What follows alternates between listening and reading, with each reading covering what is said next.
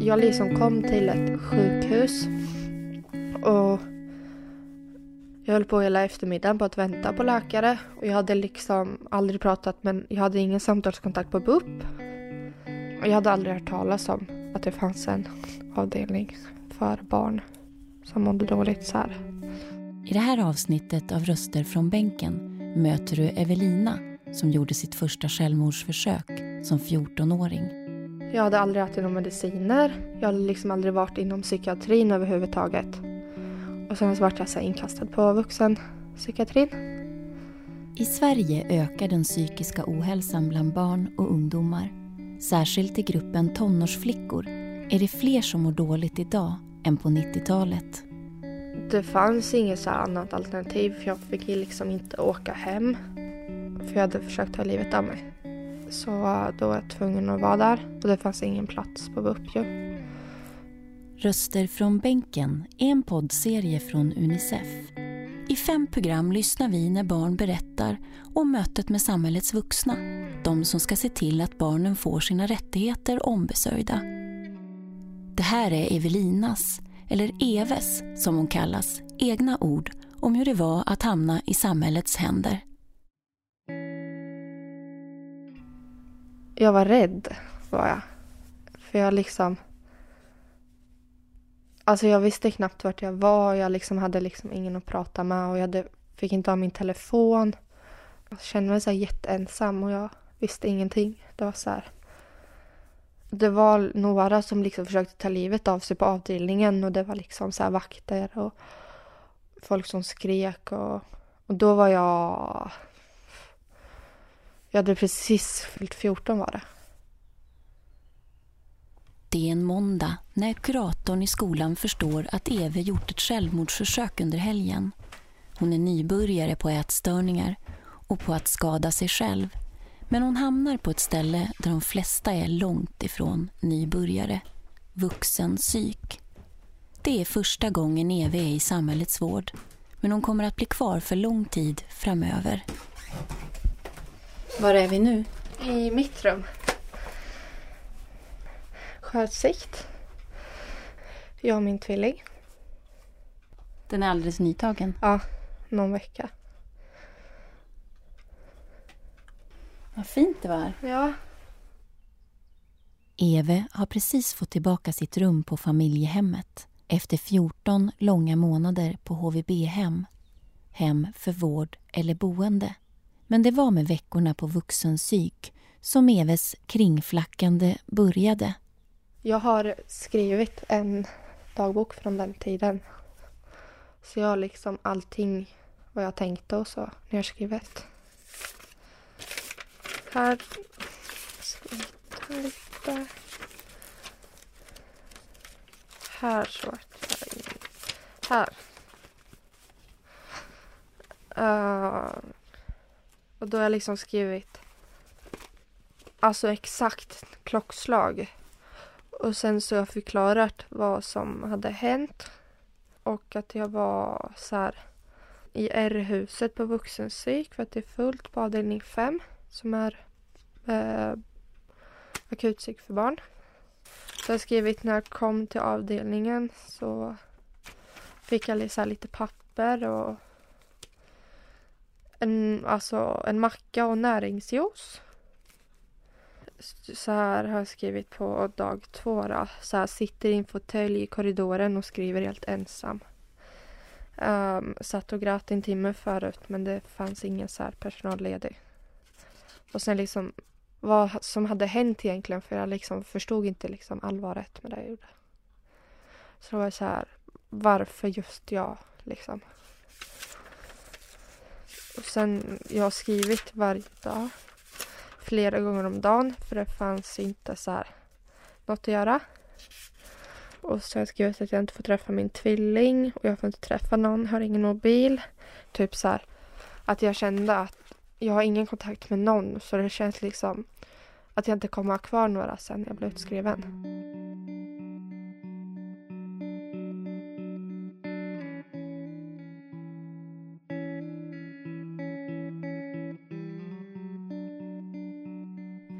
Innan, innan jag vart inlagd så hade skolan skickat, kuratorn hade skickat tre remisser till BUP. Fast de slarvade BUP bort. Tre stycken. Men vad när du säger att de slarvade bort, vad menar du? De försvann. Man hade aldrig sett dem. Så skolan hävdar att de har skickat papper om att du behöver få en BUP-kontakt? Jag var med när skolkuratorn skickade remiss. För hon frågade mig lite om vad som jag tycker är viktigast att ta upp med dem. Så här. Men du fick ingen kontakt på BUP? Nej. Vad tänker du om det? Alltså hon skickade dem ett halvår innan jag blev inlagd.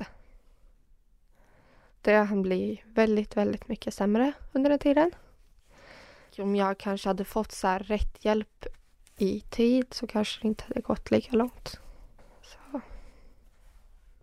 Alltså, jag är inte den som ber om hjälp. Och så vart jag så här. Ja, nu har jag bett om hjälp till skolkuratorn. Hon skickar remiss till BUP för hon känner att det är över hennes ansvar. Och de slarvar bort tre remisser. Ja, men då liksom, ja men då skiter jag i det. Då känns det liksom, ja, då är det inte menat att jag skulle få hjälp.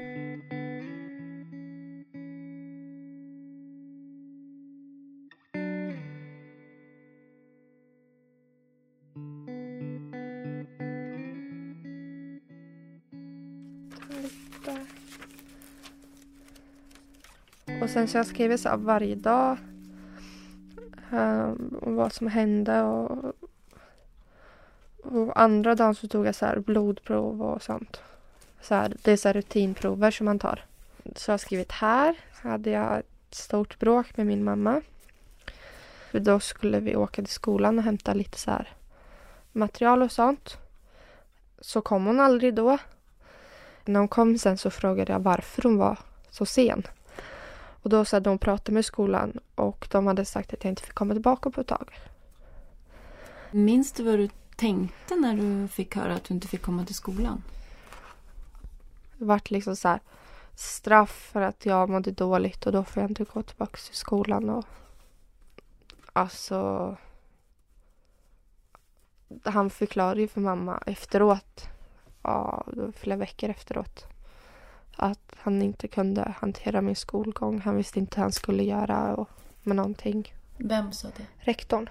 Så då såg han den snabba lösningen och enkla, stänga av mig.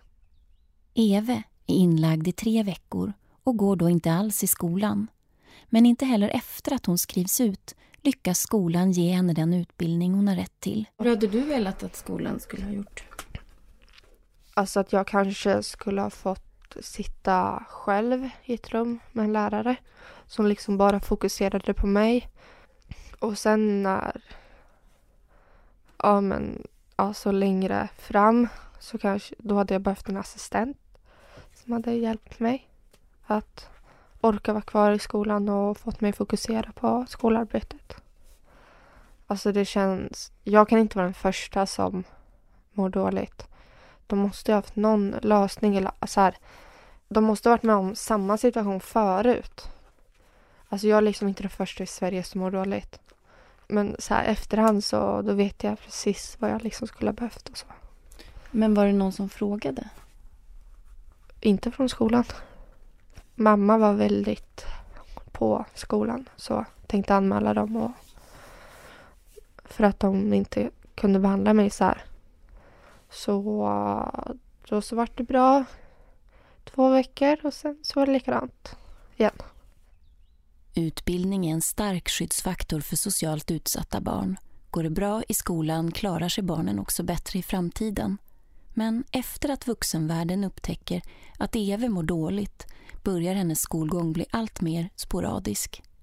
På åttan började det så lite spåra ur. Det var typ så här jättemycket sämre. På sommarlovet mellan åttan och nian. Jag mådde sämre och så här. Alltså sommarlov är inget bra för mig egentligen. För jag måste ha rutiner för att må bra. Jag får ångest och mår dåligt om jag är rastlös. Men hela nian så var så här. Ja, men jag åkte in och ut på BUPs slutenvård. Och sen så orkade jag inte gå till skolan. Jag hade ingen lust och orkade, alltså. Alltså jag gick och kom som jag ville. Och det var liksom ändå ingen som brydde sig i skolan om det. För de hade ingen lösning. Allt har varit fel alltså. Allt blir fel. Skolan förmår inte leva upp till sitt åtagande gentemot Eve som inte kan koncentrera sig, skär sig och har problem med maten. Alltså jag var 15 år och jag har inte skött mig bra i skolan.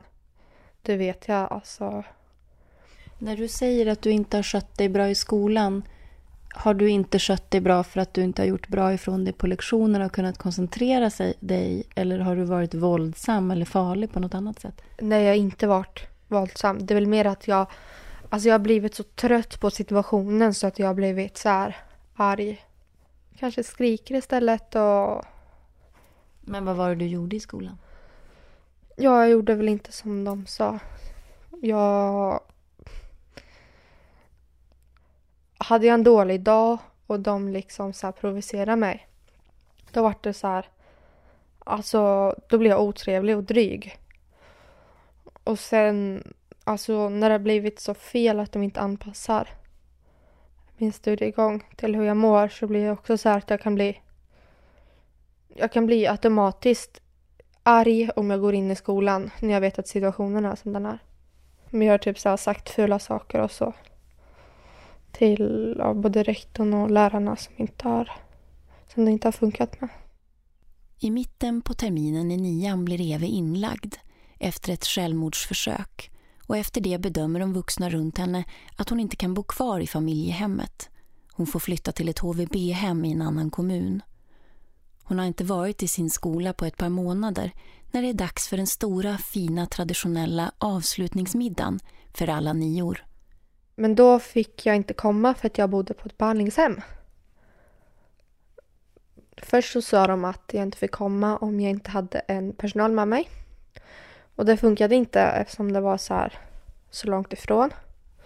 Och då så tog min mamma ledigt från jobbet och sa att hon kunde följa med.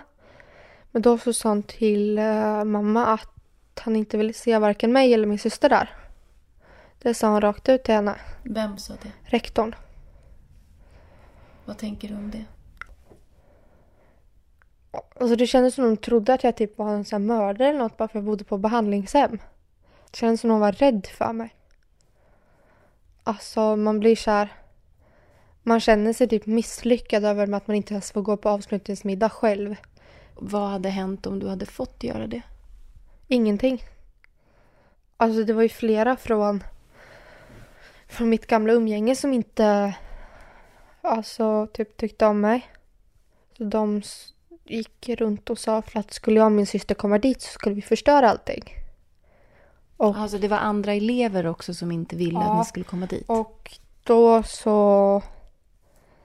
Ja men rektorn bara, ja men jättebra, då har vi någonting att skylla på. Det blev typ så. Så du fick liksom inget avslut med din gamla klass? Nej, det fick jag inte. Ingenting typ. Jag har ändå haft så här, jag har haft bra dagar och innan jag började må dåligt. Alltså jag hade ju fortfarande liksom kompisar där och det var så här. Lärarna hade alltså så här, dukat till mig och min syster. För de visste inte om att vi inte fick komma för rektorn. Så de hade liksom fixat en plats åt oss. För det var några från min gamla klass som hade sett det. Men sen så fick vi inte komma. Så tanken var ju att vi skulle få gå. Men sen så vart det så ändrat. Sommarlovet mellan nian och gymnasiet gör sig Eve hemmastad på HVB-hemmet och lagom till skolstart finns det äntligen en bra plan. Eve och hennes tvillingsyster som bor på samma ställe ska tillsammans läsa in det de missat. Evi är motiverad och vill verkligen försöka komma igen. Så hade de ordnat där, en assistent åt oss. Så vi kom dit till skolan, var där tre timmar. Och det var en lärare som satt med oss hela tiden. Var så här jättebra. Sen efter tre veckor så så sa de så här till personalen på HVB-hemmet att har man satt grundskolebetygen så kan man inte ändra på dem. Um, och de hade inte ens kollat igenom mina betyg. Så att där satt jag och läste upp matte, svenska, engelska även fast jag hade betyg i det. Och sen så hade jag jag hade för höga så här, meritpoäng för att gå IVA, introprogrammet. Men jag kunde inte börja på något program mitt i terminen. För att jag, inte, jag hade inte sökt eller någonting. Alltså det gick inte att lösa med skolan.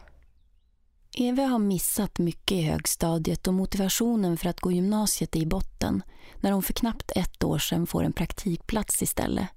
Men Eve som nu snart fyllt 17 ger inte upp. Höstterminen 2015 börjar hon på vård och omsorg trots en viss oro. Så jag är så mest rädd att jag så inte lär, lär känna folk liksom. Så det är väl mesta jag är så orolig för. Sen så tror jag att det kommer gå bra för jag har valt så här inriktning psykiatri. Och jag kan ju mycket så här om gruppterapi och behandlingar och sånt. Och mediciner. Så där kommer nog gå bra men det är väl mer det här matte, svenska, engelska som alla har. Om jag kommer klara av efter ett och ett halvt år att sitta så på en lektion och jobba. Alltså jag har lätt för mig i skolan. Innan jag började med dåligt, alltså jag har jättelätt för mig i skolan. Jag lär mig lätt och det är väl mer liksom måendet som förstör lite där. Alltså det är skittråkigt att det har blivit som det har blivit. Det hade liksom kunnat gått så mycket bättre om skolan hade samarbetat. Eve är tillbaka i familjehemmet sedan i juni. I Ullared så tror jag köpte 17 parfymer.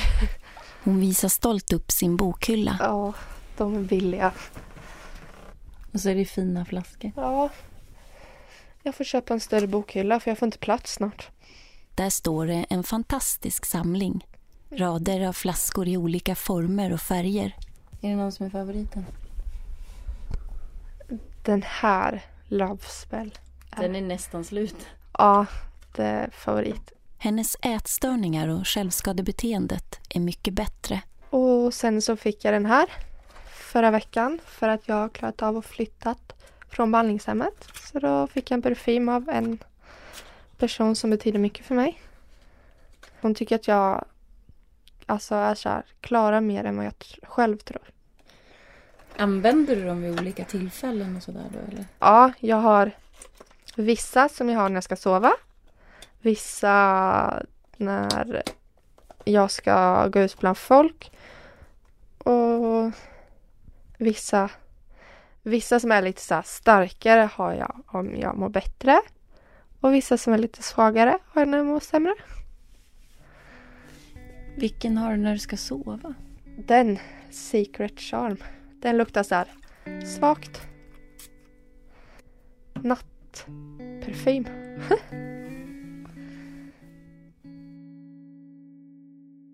du har hört Evelina, eller Eve, som förlorade nästan två skolår när hon mådde psykiskt dåligt. Det här var avsnitt två av fem i Unicefs poddserie Röster från bänken. Här har jag skrivit eh, på sista sidan. Start 24 oktober 2012. Barns berättelser om mötet med samhällets vuxna. Vill du veta mer? Gå in på unicef.se. Och sen slut har jag skrivit med en så här tom rad. För när jag har skrivit klart i boken. Och sen så har jag skrivit att jag hoppas att jag mår bra eller på väg att må bättre. När den där boken är slut? Ja. Jag skriver inte i den längre. För att jag vet inte, det känns inte som att jag behöver det. Missa inte avsnitt tre om Moshtaba. Som 16-åring kom han ensam från Afghanistan. Varför jag kan inte sova hos min brorsan? Och sen jag sa till personal, jag ska sova hos min brorsan, det är min bror. Vi är riktig bror. Vi är inte låtsas eller vi var kompisar som vi säger bara bror eller så här. Men det, vi är riktig bror. Och som mot sin vilja placerades på HVB-hem, långt ifrån sin storebror. Hans enda trygghet i det nya landet Sverige. Och sen personalen sa till mig, ja, socialen bestämmer. Vi bestämmer inte. Alltså, jag blir galen. Alltså, jag fattar ingenting. Vem bestämmer? Här följer en intervju med Kristina Heilborn, programchef på Unicef och barnrättsjurist. Välkommen hit. Tack. Sverige har fått kritik för hur man hanterar barn med psykisk ohälsa. Berätta. Det finns en eh, internationell kommitté som heter FNs barnrättskommitté i Genève som granskar hur länder följer barnkonventionen. Och när det gäller Sverige så har eh, man bland annat fått kritik för att barn inom eh, psykiatrin hålls isolerade och eh, hålls fast med bälte. Och det var ganska länge som man från eh, regeringens sida försvarade sig med att eh, det här var en form av behandling och att man inte ville ändra på det. Men nu efter kritik igen ifrån den här kommittén så har det börjat hända saker och man har tagit till sig av kritiken och det kommer att bli ändringar. Självklart måste den vård som ges och behandlingsinsatser som görs eh, måste ju vara anpassade för barnet som är berört. Det ska ju alltid finnas en individuell bedömning som görs utifrån vad just det här barnet behöver. Tvångsåtgärder av olika slag ska undvikas så långt det är möjligt. Vad säger FNs barnkonvention om de här barnens rätt till skola? Barnkonventionen är väldigt tydlig när det handlar om rätt till utbildning och skolgång. Alla barn har rätt till utbildning. Staten har ett ansvar då att se till att det finns möjlighet för barnet att få tillgång till skola. Och eh, ibland har ett barn inte möjlighet att ta sig till skolan av olika skäl. Och då måste man också hitta en, eh, en individuell lösning och plan för hur rätten till utbildning ska kunna tillgodoses. Vad vet vi om de här barnens möjligheter att fullfölja sin utbildning och gå i skola? Forskningen visar att eh, många inte klarar att gå klart i skolan samtidigt som den viktigaste skyddsfaktorn för att eh, ta sig ur en eh, psykosocialt svår situation eller ett socialt utanförskap är just en fullföljd skolgång. Så vi vet att det är skolan som är den enskilt viktigaste faktorn för att eh, bryta ett utanförskap och, och eh, som är väldigt viktig för att, för att klara sig vidare i livet. Men istället för att satsa särskilt mycket på det och ge stöd och insatser i skolan tidigt så beslutar myndigheter att istället kanske då sätta in insatser via socialtjänsten som inte alls har samma effekt. Och det här är dels allvarligt för det enskilda barnet som inte får den hjälp och stöd som, som eh, behövs. Men det blir ju också konsekvenser på sikt för, eh, ja, för hela samhället. Det blir eh, barn som far illa, det kostar pengar i förlängningen med insatser som måste ske senare istället för tidigt. Och eh, eh, för att det här ska fungera så krävs också en mycket bättre samordning än som sker idag. Myndigheterna agerar på olika håll. Eh, skolan gör sitt, socialtjänsten gör sitt och barn och ungdomspsykiatrin eh, gör sitt. Och det krävs en samordning här.